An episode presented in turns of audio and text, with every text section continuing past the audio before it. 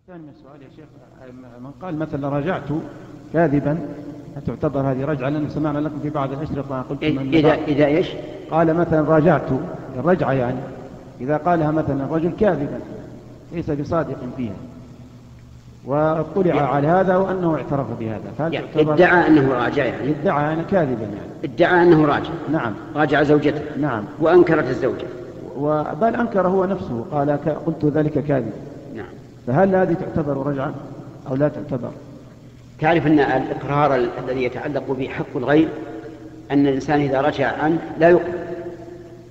لا يقبل في حق في حق الغير فلو أنه قال إن إنه راجع زوجته إنه راجع زوجته ثم لما ادعت عليه أن ينفق عليها وما أشبه ذلك قال أنا ما رجعت وإني قلت راجعتها كاذبا فهذا لا يسقط حقها من النفقة لأن هذا يتعلق به حق الغير أما إذا كان الإقرار لا يتعلق بحق الغير فهذا له أن يرجع فيه. إي نعم.